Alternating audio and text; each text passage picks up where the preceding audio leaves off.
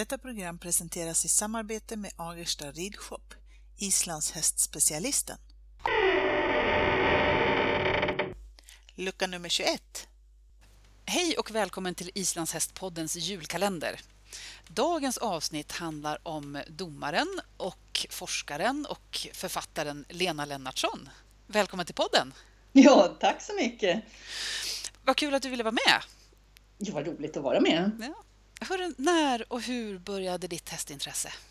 Ja, jag började rida i, i 7-8 års åldern på, när jag växte upp i Östersund på en ridskola där. Ja. Och så småningom så började man rida på, vid sommarstället på grannens shetlandsponny. Och det var ju barbacka med ett träns bara och man ramlade ju av av och till hela tiden. Men man eh, fick väl till det till slut och slutade ramla av och sen så var man ute och galopperade hela sommaren så att man fick en naturlig uppväxt med hästar. Både via de här shetlandsponnyerna som jag höll på med i många år med och eh, ridskoleverksamhet. Ja, men de här shetlandsponnyerna, hade ni några vuxna med då? I... Nej, vi hade ju inte det. Jag fattar inte. Det var liksom en annan tid. Vi var ju visserligen i en hage i början innan vi hade lärt oss så mycket så att vi kunde styra och stoppa och svänga någorlunda. Men vi höll på där och hästarna sprang i den där hagen och vi hade tränset med oss. Och så fångade vi hästarna, satte på tränset och hoppade upp och de var inridna såklart. Ja. Eh, men rätt vad det stannade de och ville äta, då ramlade vi av över halsen. Det var ju, men det, det var inga vuxna med liksom. Sen kostade det fem kronor fick man rida i två timmar. Ja, du vet. ja. Men du red lite på ridskola också? Ja, det gjorde jag. Eh, en kort tid på ridskola. Sen kom jag på ett ställe där det var mer fritt. Man hyrde en häst och så fick man rida ut om man ville. Eller också kunde man be någon ha lektion för sig om man ville det. Eller också så red man bara själv i en paddock. Men okay. ofta så red vi ut. Ja. Det där kom, fast det blev lite större ponny då. Då var det inte shetlandsponny längre. Jag var ganska lång också. Mm. Så att det var väldigt fri eh, ja, ridträning kan man säga. Mm. Men islandshästarna då, när kom de in i ditt liv? Eh, ja, när jag var i tonåren, så, övre tonåren, så slutade jag rida tills jag flyttade till Uppsala och började plugga och då började jag rida på Akademistallet och det var första gången jag var på en riktig ridskola där det var utbildade ridlärare och hästarna skulle gå i en bra form och sånt där. Vi, var, aldrig vi hoppade och galopperade, det var det vi hade. Då hade jag ridit hela mitt liv. Ja. Men eh, det blev en helt annan grej och det här med dressyr och sådär, det blev ju eh, jättespännande och roligt med ridningen på en helt ny nivå för mig. Och mm. det tog inte lång tid förrän jag var liksom helt inne i det där och ville vara medryttare på någon häst och sådär. Och hoppa tyckte jag fortfarande var roligt men dressyren var det som mer och mer tog överhand. Och då var det SM för islandshästar bakom Akademistallet på grusplanen där. Okay. Och så gick vi och tittade för det var en kompis i ridgruppen som eh, hade ridit islandshäst och tyckte vi skulle komma och titta. Och där var det så trevliga människor och det var så lätt att prata med alla och det var någon broschyr och så åkte, där man kunde åka på kurs och rida islandshäst. Ja. Jag och en till storhästkompis eh, tog med oss en varsin broschyr och sen anmälde vi oss. Ja. På en Men, weekend. Men när du, när du såg det här SM och kom från storhästvärlden, vad tänkte du då? Liksom, vad var det du såg för någonting? Ja, det här var 1982. Mm. Eh, hästarna var oerhört mycket mindre, alltså lägre mankhöjd, islandshästarna alltså, än vad de är idag. Mm. De var ju runt ja, 1,28, 1,30, var de över 35 så var de ju jättestora. Ja, ja. och nu det, det är ju en... höjden ja, runt 1,40 är ju vanligare nu. Absolut. Ja. Så att eh, vi tyckte det såg så vanvettigt roligt ut med alla vuxna människor och en del var ju längre än vad jag var. Ja. Och satt på de här små hästarna. Eh, men sen när man liksom hade vant ögat vid det, då såg det ju bara så vanvettigt charmigt ut med alla de här man och svans. Ja, man blev lika betagen som många som aldrig har sett en islandshäst mm. blir idag för att det är så underbara hästar. Ja. De har ju sånt härligt uttryck. Ja. Så det var ju det som gjorde att jag och min kompis anmälde oss till den här kursen. Och så gångarterna, det begrep vi ju ingenting av. Nej. Nej, berätta om det, för det är ju någonting som du är, jobbar väldigt mycket med, har gjort så som vi känner dig som domare. Ja, ja det är klart. Nej, men vi såg ju knappt om det var trav eller tölt för många isl... Hade den ren trav, då kunde vi ju se det, men många islandshästar har ju ja, fyrtakt och, och, och de, ingen häst gick i form heller på den här tiden. Nej. Det var ju huvudet rätt fram i trav och så var det lite rätt fram och lite högre form i tölt. Ja. ja. så att vi hade jättesvårt att se skillnad och förstå oss på det där. Sen förstod vi att hästarna skulle ju egentligen gå i en bra form och den som vann gjorde ju det. Den var ju helt fantastisk tyckte jag. Både vi och alla andra då. Ja. Så att, eh, ja. Eh, Men du anmälde dig till en kurs i alla fall? Ja, jag anmälde mig. Ja. Eh, det var Peter Mers och Jenny Mandahl som hade då på den tiden ett anläggning utanför eh, var, ja, vid Omberg, Just det, precis. Östergötland. Ja. Krokhaga eh, eller Ekhaga. Ekhaga. Ja, precis. Eh, och där fick jag en häst, för jag tänkte, ska jag vara så lång som jag är, ska jag sitta på de här små hästarna så måste jag ha en pigg häst, för annars kommer jag känna mig som en djurplågare. Mm. Att jag är för tung för dem alltså. För det, jag hade ju här ponnytänket kvar i huvudet. Vid viss mankhöjd så fick de bära 50 kilo. En viss. Mm. Så, så, hade man ju vuxit upp hela livet. Så, pon, små ponnyer hade lägre vikter, större ponnyer högre och sen mm. fick man gå upp på stor häst. Mm. Så när vi kom dit så skulle jag eh, tala om vad jag ville ha. Och då sa jag, ta gärna en pigg häst för annars kommer jag känna mig så lång och tung. Och jag visste ju ingenting om det här med spända hästar. Jag hade aldrig träffat det. Jag hade, jag hade ingen aning om att det kunde finnas någonting eller att de var vilda från Island eller ja. skygga eller utan en pigg häst för mig, det var en som var het, som gärna taktade, men de tog förhållningarna och bara bad man om lite så fick man jättemycket tillbaka. Och det älskade jag eftersom jag hade hållit på att galoppera hela min barndom. Ja. Och pigga hästar alltså. Ja. Och då tittar Peter på mig, kommer jag ihåg, sådär som Jaha, här kommer en sån där kaxig jävel. Så jag tänkte, nej nu får jag stallets lataste häst. Ja. Tänkte jag. jag var inte ett dugg kaxig, jag var lite nervös och som man alltid är när man ska göra något nytt för första gången. Så här, pirr, nervös på ett glatt sätt alltså. Mm. Men så tänkte jag att jag måste ju säga i alla fall eh, att jag ville ha och att jag rider mycket pigga hästar, mycket fullblod och sånt där. Mm. Och då fick jag Fenja som är drömhästen i mitt liv om jag får säga så, för att hon var helt perfekt. För hon var jättehet, mm. eh, men ingen spänd. Tog alltid förhållningar och pullade lite, men svarar man med tydliga förhållning så svarade hon alltid. Hon till och med kunde sänka bakdelen. Liksom, hon var utbildad. Mm. Mm. Och eh, jag blev blixtförälskad i den här hästen. Ja. Och hon tog mig upp, för först red vi vanliga lektioner. Ja. Där vi fick lära oss då skillnaden mellan skrittrav och tölt och sen mm. galopp och sådär. Och sen fick vi rida på valbanan och testa på program. Mm. Hon var ju bra den här hästen, hon hade ju tävlat SM och kunde ju gå ökad tölt. Det var det ingen av de andra hästarna på kursen som kunde. Så jag var ju alldeles stenhög ja, runt där på valbanan. Och hon bro bromsade man så stannade hon ju. Ja. Eh, men hon var inte så lättriden för min kompis skulle prova henne för jag sa du måste bara rida den här hästen. Och hon satte igång ökatölt och hon fick inte stopp på henne. Nej, okej. Okay. För hon krävde, alltså, men jag, jag tyckte inte det var något svårt för hon var ingen spänd. Nej, nej. Alltså hon sänkte inte huvudet och försökte sticka med en. Men jag hade ju ridit helt här hästar hela mitt liv. Och hon var precis som alla de andra hästarna jag hade ridit. Mm. Medan min kompis hon hade aldrig suttit på en het häst. Varken jag eller någon annan tänkte ju på det. De men det, vi fick ju springa fram och stoppa hästen på banan. Hon var ju ja. inget lynnig på något sätt. Tvärtom, otroligt vänlig häst. Mm. Men då skulle vi rida ut och då red vi upp och skulle upp till, för Omberg. Mm. Och det är ganska brant. Mm. Eh, och då sa Peter, rid före du, för att det gick ju inte att hålla min häst i det tempo som de andra gick. det var ju vanliga ridskolehästar och turhästar. Det här var ju en topptränad tävlingshäst med ja. mycket kapacitet. Liksom. Så hon ger sig iväg. Jag tänkte hon får ta det tempo hon vill. Jag ska inte driva och inte förhålla.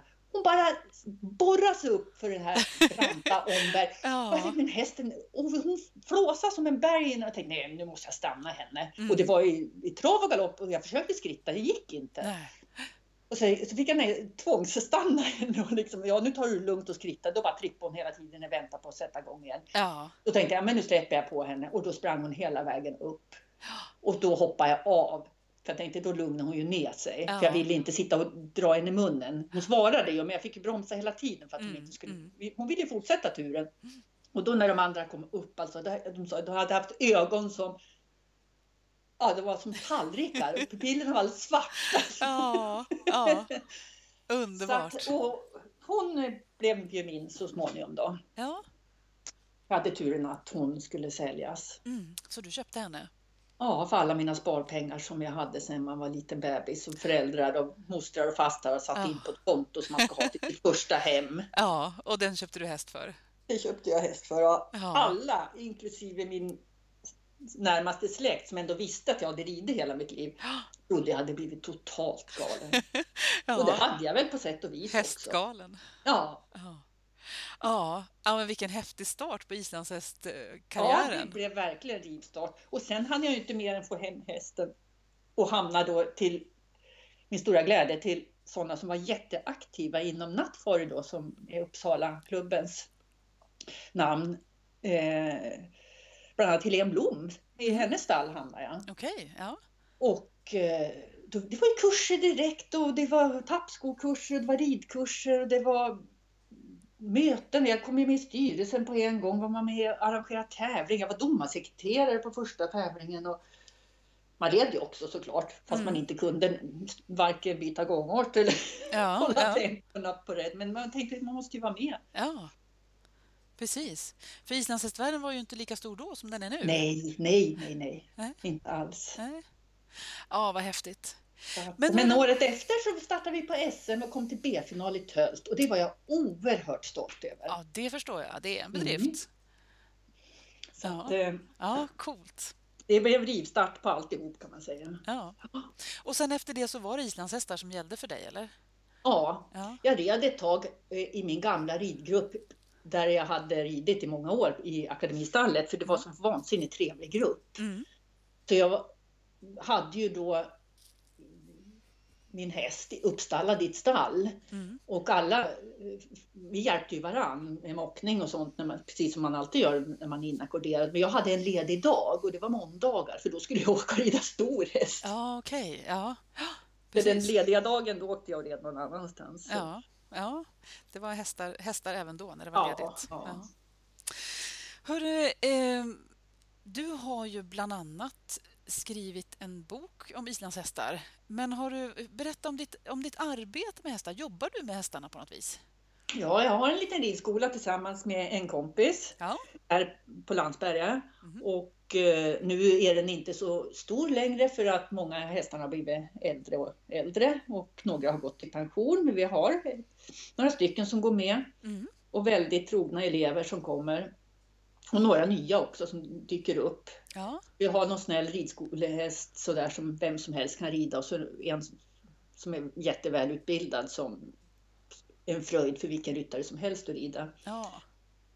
Så att eh, det är väldigt låg fart men det är ändå eh, så pass att det rullar runt här och eh, drar in lite foderpengar till våra egna hästar. Då. Mm. Och Landsberg heter gården och den ligger i Örsundsbro? Ja, utanför Örsundsbro. Ja, just det. Mm. Men du jobbar inte bara med hästar? Nej, Nej, jag är utbildad BMA, det vill säga biomedicinsk analytiker och jobbar på labb och med eh, cancerforskning, odla tumörceller mm. som jag utsätter för nya och eh, gamla droger och behandlingsmetoder för att se om man kan påverka cellerna i rätt riktning. Mm. Det är jätteroligt det ja. också. Ja.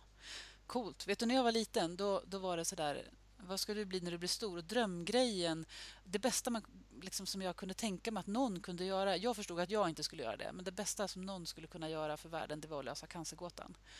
Ja. Eh, ja så du, du är en idol på det området också då? Ja, nu är det inte jag som gör så mycket. Det är min chef som är då eh, ja, läkare och professor inom onkologi som eh, styr verksamheten. Mm. Men du är med på ett hörn? Ja, ja. ja. Det... ja. För sen är du ju domare också.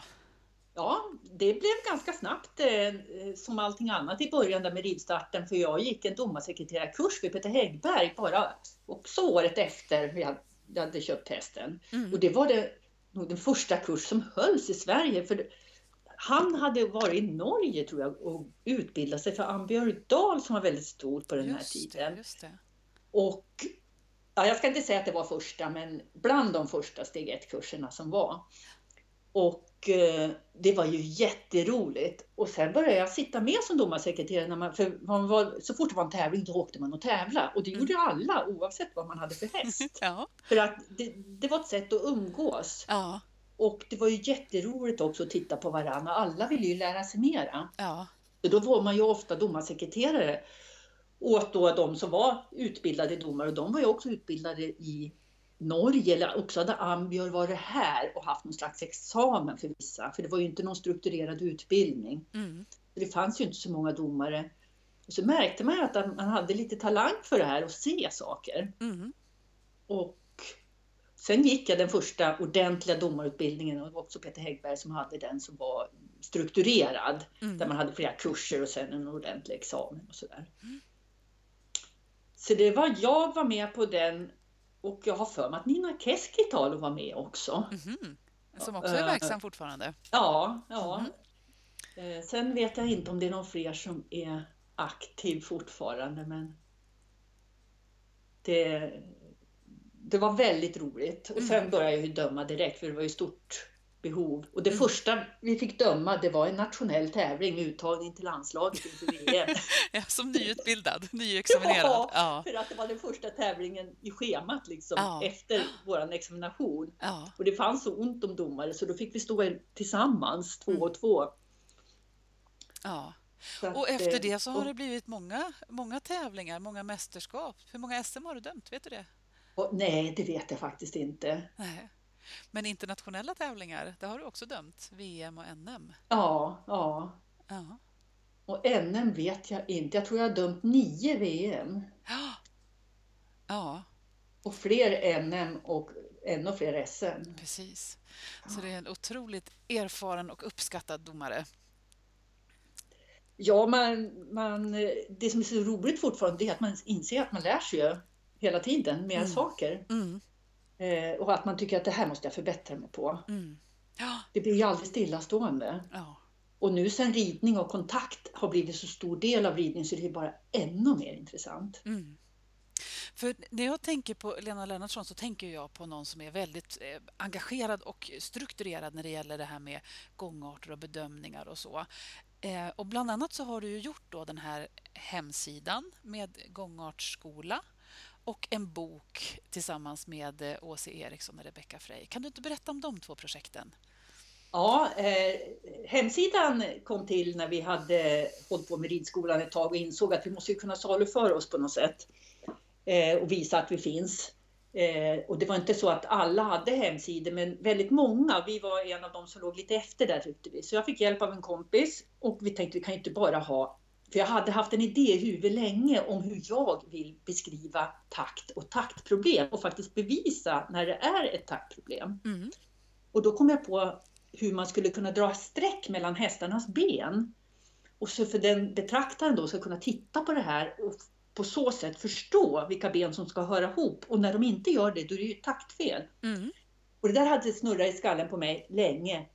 Så när vi gjorde hemsidan, då hade jag den stora turen att få hjälp av en god vän som inte alls håller på med hästar men tycker det är roligt med hästar och som var jätteduktig med teknik. Ja. Både att sätta ihop datorprogram och uh, hemsidor och sånt. Så hon hjälpte mig att göra, jag filmar filmerna själv mm. eh, med en videokamera då. Och sen hjälpte hon mig att göra de här strecken så att de ligger ruta för ruta på rätt ställe och så. Mm.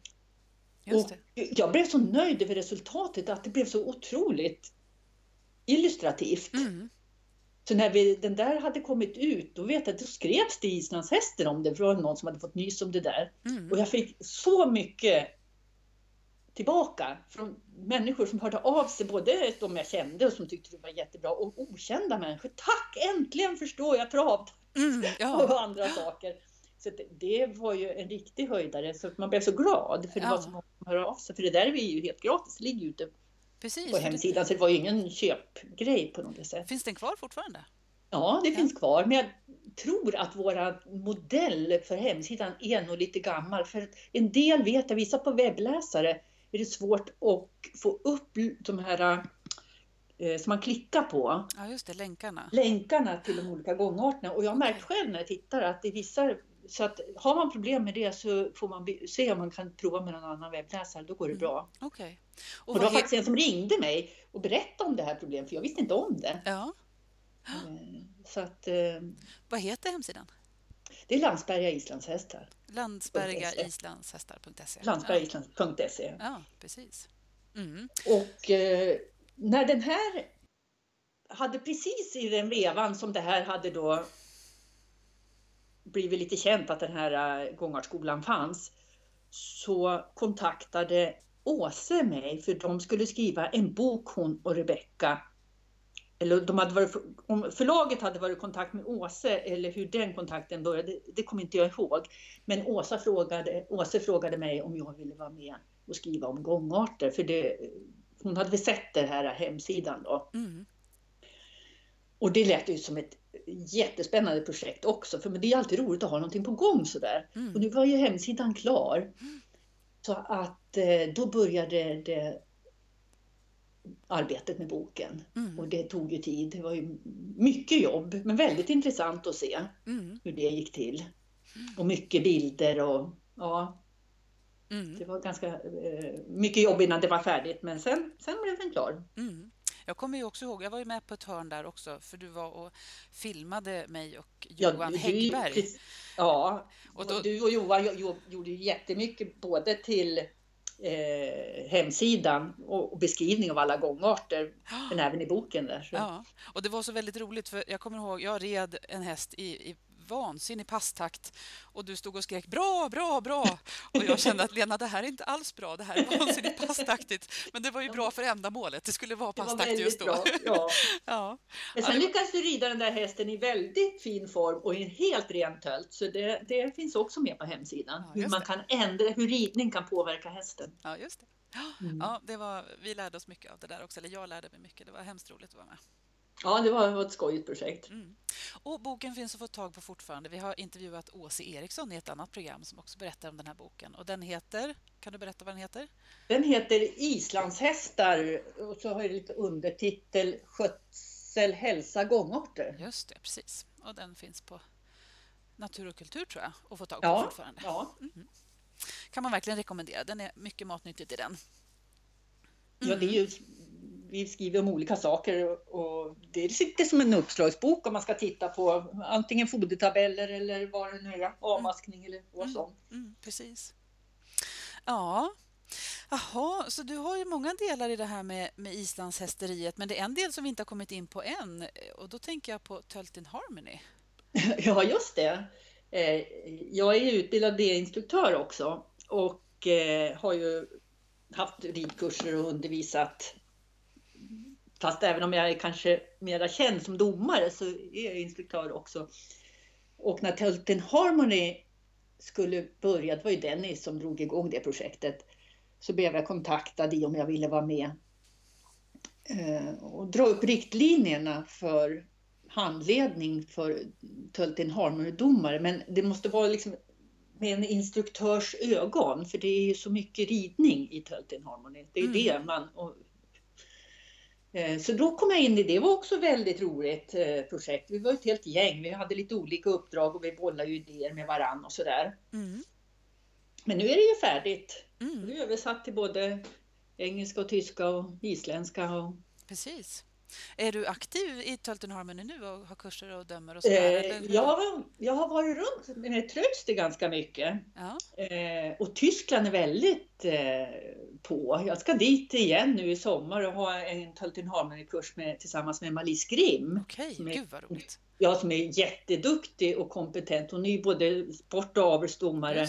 Ja och jätterutinerad och aktiv ryttare själv också. Så det ska bli väldigt spännande. Ja. Jag har varit, varit i Tyskland två gånger tidigare och, haft, och där är det jättepopulärt. De har det som ungdoms... På tyska mästerskapen de har haft det som ungdomsmästerskap. Okay. Och, ja. eh, Five Youth Cup ska ha Tolkien Harmony nästa år också mm. med. Och jag har varit dömd någon tävling här i Sverige. Det är inte så många. Nej, nej. Eh, och eh, vi har ju haft sådana här clinics då, där man kan bli instruktör, godkänd och domare och sådär. Just det. Ja.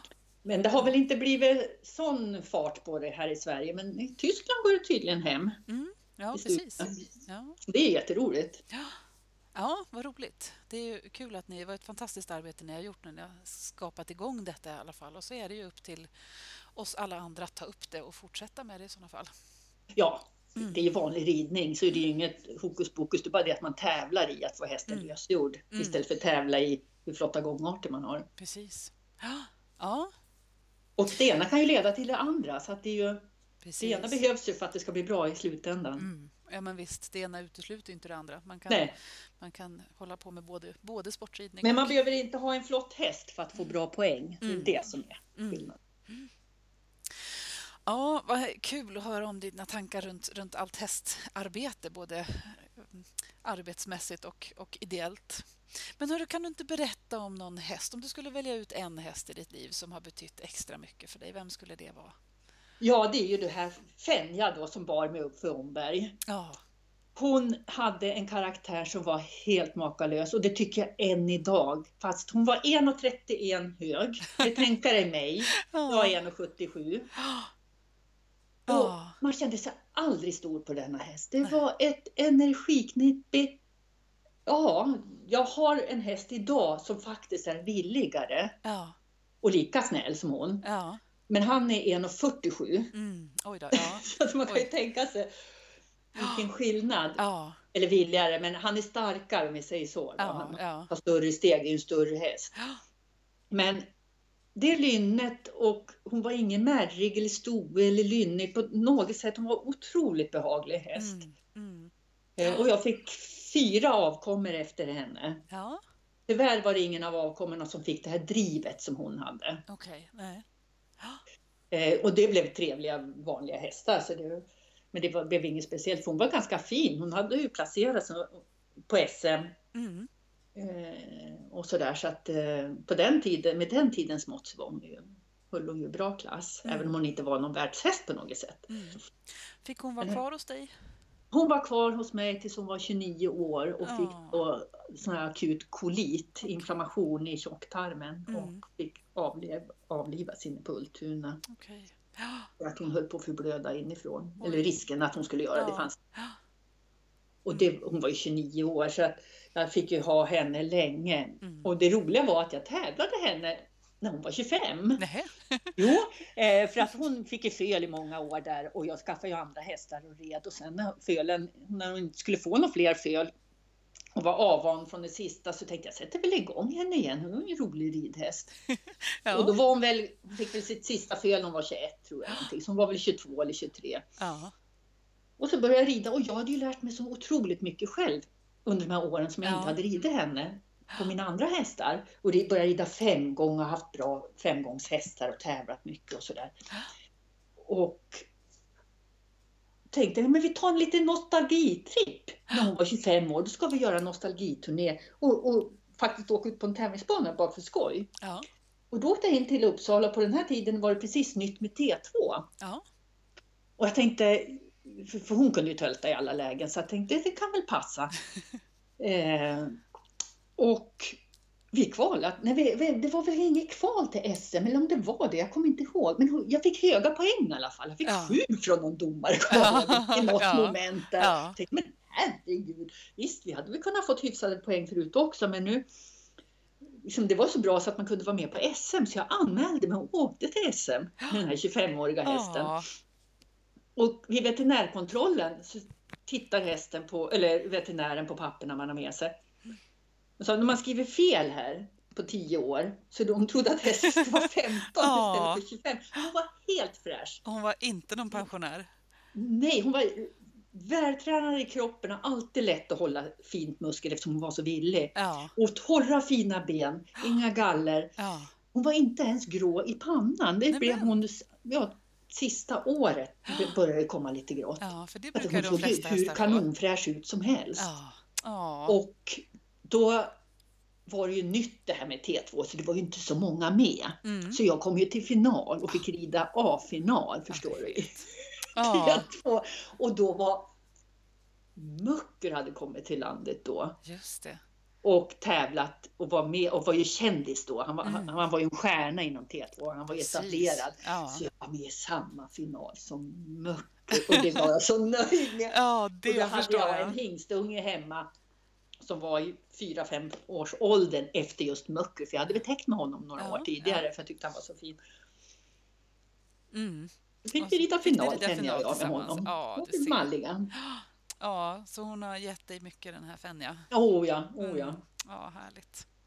Utan henne hade jag aldrig börjat med det här överhuvudtaget. Nej. Antar jag. För då hade jag fått någon av de andra. Och jag ska inte säga att de var något fel på de andra hästarna. Men det var inte den här kvaliteten som jag uppskattade med den här styrkan och, och, kraften. För hade jag fått någon av de vanliga kurshästarna, ja, då hade jag på min höjd kanske tyckt det var intressant det här med tölten. Mm. Men inte insett hur en bra islandshäst, hur vilken kraft de kan ha. Mm. Och då får vi alla tacka Fenja. Ja. ja. det är tur att du kom in och i Peter som valde ut hästen till ja, mig. Att precis, han faktiskt ja. förstod att jag ville ha en pighäst. Ja. Häftigt. Hörru, du har ju gjort jättemycket med islandshästvärlden, men, men om du skulle, vad har du, hur tänker du framåt? Vad har du för drömmar och passioner kvar? Vad är det som driver dig? Liksom? Vad skulle du vilja bidra med? Vill, ja, det är hela tiden nya saker som händer. Det är ju så otroligt spännande nu, förstår du, att när vi tittar på tölt, både som lekman eller domare eller ryttare eller vad det nu än är, så står man ju och säger, nej men jag tycker, jag tycker takten är bra. Jag tycker att den är lite passaktig. Mm. Nej, jag tycker att den är lite travaktig. Och så tror vi och tycker. Och, och, så här diskuterar ju vi domare också. Kanske inte om den är pass eller travaktig, men hur mycket passaktig den är. Om den är ren i takten eller om den bara styr i kroppen. Och mm. Det är hela tiden diskussion, framförallt om takten i tölt. Även i pass, men, men framförallt det tölt som jag har eh, inriktat mig på nu. För det har kommit en, det är en kille på Island som gör en magisterexamen och hade som examensarbete att utveckla en teknik för att ta fram fakta om takten i tölt. Exakt om den är ren eller om det drar sig det allra minsta mot trav eller passtakt. Okay. Eller om det är etablerad travtakt eller passtakt. Ja. Och den här tekniken bygger på att han hade filmat hästar med en höghastighetskamera och sen kört det här i super slow motion mm. och räknat hur många, man skriver ner den här, exakt vilken tidpunkt en viss hov landar och sen kommer det ju en till hov och landar. Mm. Sen kommer den här första att lyftas och under tiden kommer det ytterligare en tredje hov och så vidare. Och skriver man då ner nu har jag gjort det här manuellt, jag vet inte hur han gjorde om han hade någon mer teknik till sitt förfogande. Men just när hovarna landar och lyfts upp, då kan man få förhållandet mellan hovarna. Om det här om den står länge på samma sida eller om den flyter på så att alla benen är 25 procent av tiden i marken var. Just det. För fyra ben och 25 procent är ju då 100 procent. Mm. Och är det så att hästen står väldigt länge på samma sidas ben, mm. då blir den diagonala fasen lägre. Och den laterala fasen längre. Och det här, då syns det på procenten. Mm. Och det här heter lapp, den här tekniken. Mm. Och det här fick jag reda på jag minns inte riktigt, för Gunilla Lindgren var inblandad i det hela, för hon hade haft kontakt med Kristina Orling som är en svensk domare, men hon bosatt i Holland och bott där i många år. Mm. De är så här forskningsnördig som jag är också, som kan sätta sig och hålla på med sånt här eh, med brinnande intresse.